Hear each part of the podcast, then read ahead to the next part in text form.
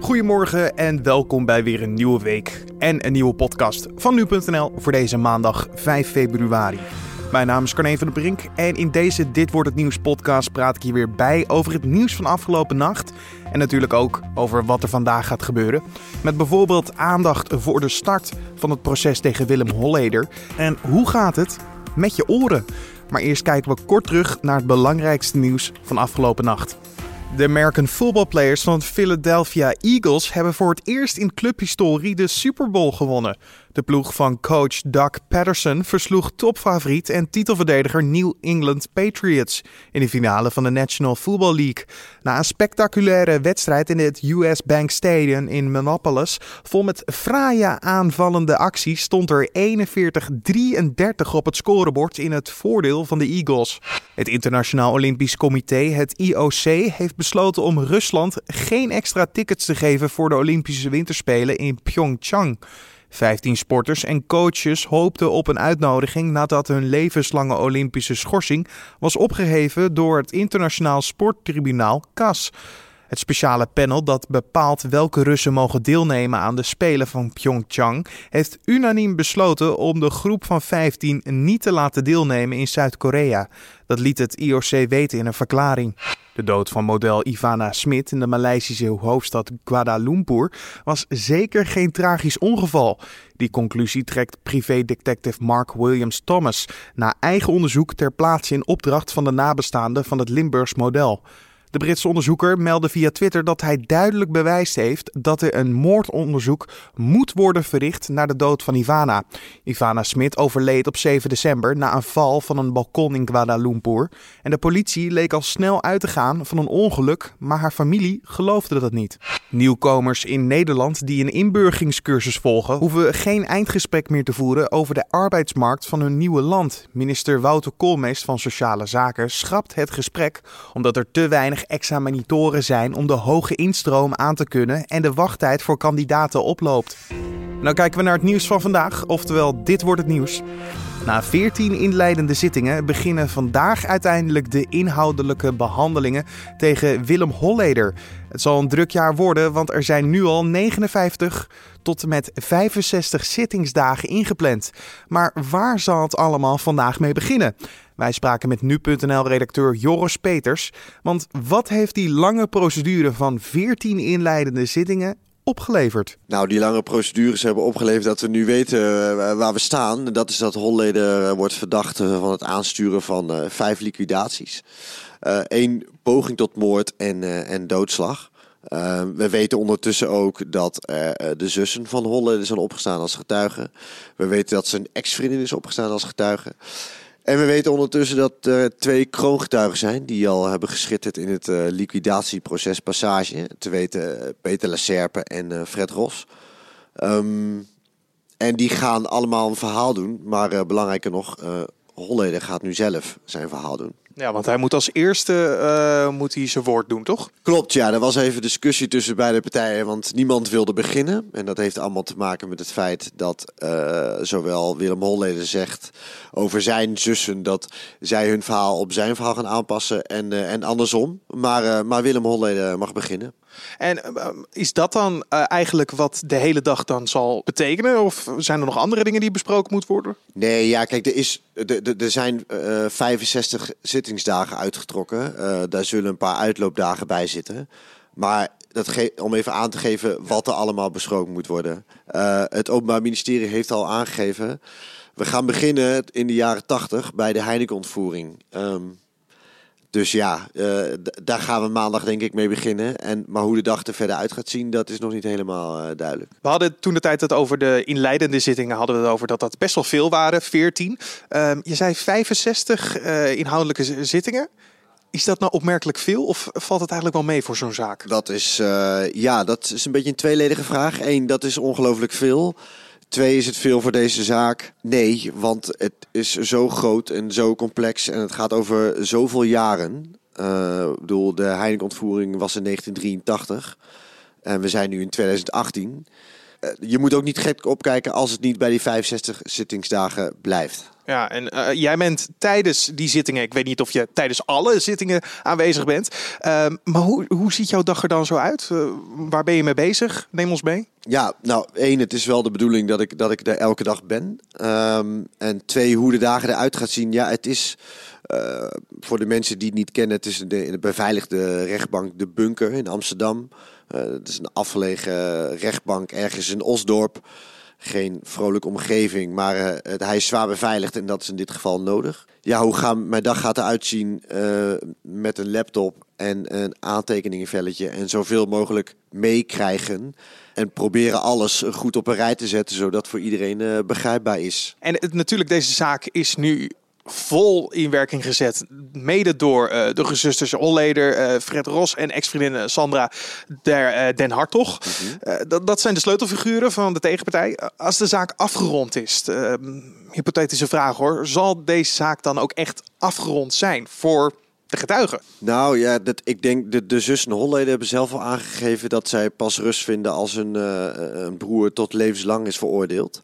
Uh, en in het geval van Peter Lacerpe en Fred Ros, de kroongetuigen, ja, die, die, die uh, leven in een vorm van vrijheid, maar zijn natuurlijk uh, hun, leven niet zeker. Ik bedoel, dus ja, die leven wel in vrijheid, maar of je het echt vrijheid kan noemen, dat weet ik ook niet zeker. Maar in het geval vooral van, van de zussen Holleden en ook zijn ex-vriendin, die zullen tevreden zijn, pas tevreden zijn als hij tot levenslang wordt veroordeeld. Je hoorde nu.nl-redacteur Joris Peters. En zoals hij al zei, is hij bij elke zitting aanwezig. En zijn verslag lees je natuurlijk op nu.nl. Even een test. Hoor je die piep? Niet misschien deze piep precies, maar wel een piepgeluid. Dat horen mensen met een gehoorbeschadiging. Dus 24 uur per dag, 7 dagen in de week. En deze week staat in het teken van het oorsuizen. Maar hoe staat het met de gehoorbeschadiging in Nederland? We belden met KNO-arts Diana Smit van het UMC Utrecht om erachter te komen hoe het gesteld is met de Nederlandse oren. Nou, op dit moment denk ik dat we moeten zeggen gaat het helemaal niet zo slecht. Maar er is wel ruimte voor verbetering. Want als we eens kijken naar ja, het gehoor, eh, gehoorverlies en ook natuurlijk de relatie die dat heeft met oorsuizen, uh, dan weten we dat die relatie heel sterk is. Want bij mensen met uh, gehoorverlies, daarvan zien we gewoon vaak dat daar inderdaad ook dat dat een teken is waardoor je oorsuizen zou kunnen krijgen. En, en, we weten eigenlijk helemaal niet zo goed hoeveel mensen in Nederland nu last hebben van oorsuizen en van gehoorverlies. Omdat natuurlijk lang niet al die mensen laten dat testen of gaan ermee naar de dokter. Maar de voorzichtige schattingen in Nederland zijn ongeveer dat er 2 miljoen mensen zijn die soms of eigenlijk continu last hebben van zo'n piep of een suis in het oor. En dat is toch eigenlijk best veel. En als we dan bijvoorbeeld kijken onder jongeren en onder jongvolwassenen, dan is de schatting dat dat ongeveer bij 1 op de 7 jongeren, dat die bijvoorbeeld na het uitgang last hebben van zo'n piep in het oor. En dat wil niet altijd zeggen dat ze dat die piep ook daadwerkelijk zullen houden. Maar een aantal van die mensen zullen toch een blijvende piep hebben. Eigenlijk als teken van ja, blijvende gehoorschade. Dus of ik daar nou heel blij van moet worden, dat weet ik niet. Maar het is toch wel iets om ons ja, wat, uh, wat aandacht aan te spenderen. Hoe kan het dan dat het zo slecht gaat op dit moment?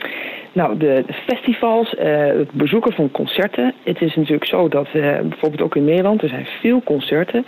En we weten natuurlijk dat onder jongeren dat er ja, veel meer geluisterd wordt naar muziek. Omdat natuurlijk ja, veel uh, jongeren en jongvolwassenen die dat zijn smartphone hebben.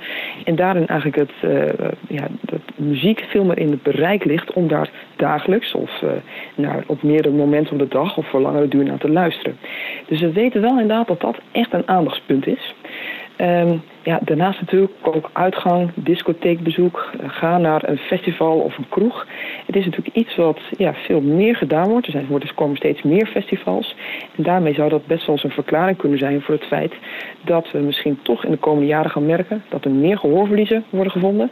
Maar dat we inderdaad ook um, veel meer mensen horen over het feit dat ze last hebben van zo'n piep of een ruis of een suis in het oor. Voor heel veel mensen die daar dus na een van die 2 miljoen mensen zijn, die willen natuurlijk maar één antwoord van jou horen. Ja, valt er iets tegen te doen? Ja, dat is wel lastig. Uh, er wordt al van oudsher wordt er heel veel onderzoek gedaan naar ja, de behandelingen van, van tinnitus, zoals we dat noemen. Um, en er is eigenlijk nog niet echt één goede behandeling. En dat komt misschien ook wel omdat er zoveel mensen zijn. En dat dat oorsuis ook voor iedereen net wat anders is. Niet voor iedereen is, dat, uh, is die suis of die ruis continu aanwezig of geeft die evenveel hinder? Voor een aantal mensen zal dat zeker zo zijn. En weten we dat er ja, ook veel mensen zeggen van ja, ik kan me daar, eh, daardoor slecht concentreren. Ik heb daardoor slaapproblemen of ik voel me angstig door of ik krijg negatieve gedachten bij. En, en dat is inderdaad wel de mensen waarbij wij naar gaan kijken van kunnen we die nou behandelen. Nou, als we het hebben over behandelingen, dan ja, kijken we vaak als eerste zo van, goh, als we daar ook een, een, gehoorverlies bij vinden, kunnen we misschien dat gehoor weer wat beter maken. Want als we het gehoor weer wat beter kunnen maken, dan raakt meestal dat bijgeluid, dat die suis of die ruis, die, die valt wat meer naar de achtergrond. En bij een aantal mensen werkt dat goed. Dus dat we inderdaad met een, met een apparaat of met een, met een hoortoestel, dat we dat gehoor wat kunnen verbeteren. En daarnaast um, wordt er veel gekeken naar eigenlijk het leren omgang met, met zo'n uh, suis of een ruis. Omdat ja, als je dat niet echt weg kan nemen, uh, bijvoorbeeld soms als bijwerking van een medicijn, dan kan je het medicijn stoppen. Maar als je die oorzaak niet weg kan nemen, dan, ja, dan weten we dat het leren omgaan met zo'n oorsuis, dat dat ja, voor, voor veel mensen echt een verbetering is van hoe ze daarmee, hoe, hoeveel last ze ervan hebben. Dan moet je een beetje denken aan is dat we therapieën kunnen doen om stress te verminderen, om de aandacht van, die oorsuis of die, om die te verleggen. Uh, en soms ook veel informatievoorstrekking naar de patiënt, dat ze er niet aan doodgaan, maar dat het wel inderdaad ja, veel hinder kan geven. En daarnaast worden er nog veel andere therapieën onderzocht. Dus er wordt veel onderzoek naar gedaan om te kijken of we ook nieuwe dingen kunnen vinden. Misschien nieuwe implantaten of nieuwe medicijnen of nieuwe andere uh, aandachtstherapieën om eigenlijk in de toekomst die behandeling voor de patiënt met, uh, met een oorsuis om die echt beter te maken. Je hoorde KNO-arts Diana Smit van het UMC Utrecht. En dit gebeurt er verder vandaag nog. Premier Mark Rutte ontvangt voorzitter Donald Tusk van de Europese Raad. Het gesprek tijdens een werkdiner op het Katshuis in Den Haag dient als voorbereiding op de informele Europese Raad van 23 februari. De naam van Rutte werd vorig jaar geregeld genoemd als mogelijke opvolger van Tusk. Met klare taal, dat ga ik niet worden, dat is uitgesloten, maakte Rutte in december een eind aan speculaties over een eventueel voorzitterschap van de Raad van de Europese Leiders in Brussel. Alle politieke partijen die willen meedoen aan de gemeenteraadsverkiezingen moeten vandaag hun lijst met kandidaten inleveren. Dat gebeurt bij het Centraal Stembureau bij elke gemeente waar op 21 maart verkiezingen zijn. Het inleveren van de kandidatenlijsten op de zogenoemde datum van de kandidaatstelling kan tussen 9 uur ochtends en 5 uur middags. Morgen controleren de centrale stembureaus van de 35 deelnemende gemeenten alle gegevens in een niet-openbare zitting. Vrijdag wordt dan in een openbare zitting bekendgemaakt wie kan meedoen. En dan kijken we waar onze collega's vandaag over schrijven. Het aantal leerlingen in het speciaal onderwijs stijgt weer. Dat schrijft Trouw die cijfers van de dienstuitvoering onderwijs analyseerde. De toename van het aantal leerlingen in het speciaal onderwijs is opvallend omdat de overheid graag wil dat kinderen met en zonder beperking zoveel mogelijk samen naar school gaan. Vier jaar na de invoering van de wet passend onderwijs blijken kinderen met een beperking nog altijd grotendeels naar een aparte school te gaan. Justitie maakt zich grote zorgen over meisjes die steeds jonger de prostitutie ingaan. Kinderen van 13 jaar zijn al lang geen uitzondering meer, meldt de Telegraaf. Het gaat daarbij ook om meisjes die er vrijwillig instappen en zichzelf niet als slachtoffer zien. Ouders schrikken zich wezenloos als ze te horen krijgen dat hun dochter in de prostitutie zitten. De meisjes zelf zijn vaak boos op justitie omdat ze geld willen verdienen. De politie kan er namelijk voor zorgen dat ze in een gesloten instelling terechtkomen en daarmee hun geldkraan dichtdraaien. En dan nog even het weer. Een zonnige, maar koude dag. Alleen het noorden zullen de wolken de boventoon voeren. In de rest van het land schijnt het zonnetje. Heel warm wordt het niet. Met een graad of drie vandaag is het verstandig om toch wel even je jas mee te nemen. En dan nog dit. Kan jij niet zonder je smartphone en kan je niet zonder Facebook, Instagram of Twitter? Nou, eh, misschien moet je dan even vandaag de krant overslaan. Er moet namelijk een behandeling komen voor mensen die verslaafd zijn aan social media. Dat bepleiten specialisten in het AD vandaag. Steeds meer patiënten kampen met dit probleem en komen in verslavingsklinieken terecht. Ze worden echter niet behandeld omdat er geen recht op vergoeding bestaat. De ziekte is namelijk niet erkend. Drie jaar geleden gaf 1 op de zes jongeren aan verslaafd te zijn aan social media. Verslaafden zitten de hele dag door op Facebook of op Instagram om te kijken hoeveel likes hun bericht krijgt. En ze hebben een slaaptekort, omdat ze tot diep in de nacht op hun smartphone kijken om maar geen appje te hoeven missen. En dan ben ik heel benieuwd. Sla je dan na dit bericht te horen even Facebook af? Of ga je dit gelijk delen? Dit was dan de Dit wordt het nieuws podcast voor deze maandag 5 februari. De Dit wordt het nieuws podcast is elke maandag tot en met vrijdag te vinden op nu.nl. En wil je nog steeds de allereerste dagelijkse ochtendpodcast van Nederland helpen? Dat kan via de mail redactie@nu.nl of een recensie op iTunes. Simpel door naar Dit wordt het nieuws te gaan en een reactie achter te laten van 1 tot en met 5 cijfers of natuurlijk een fijn berichtje waar wij beter van worden. We horen het graag, we zien het graag en natuurlijk, zoals altijd, tot morgen en een fijne dag.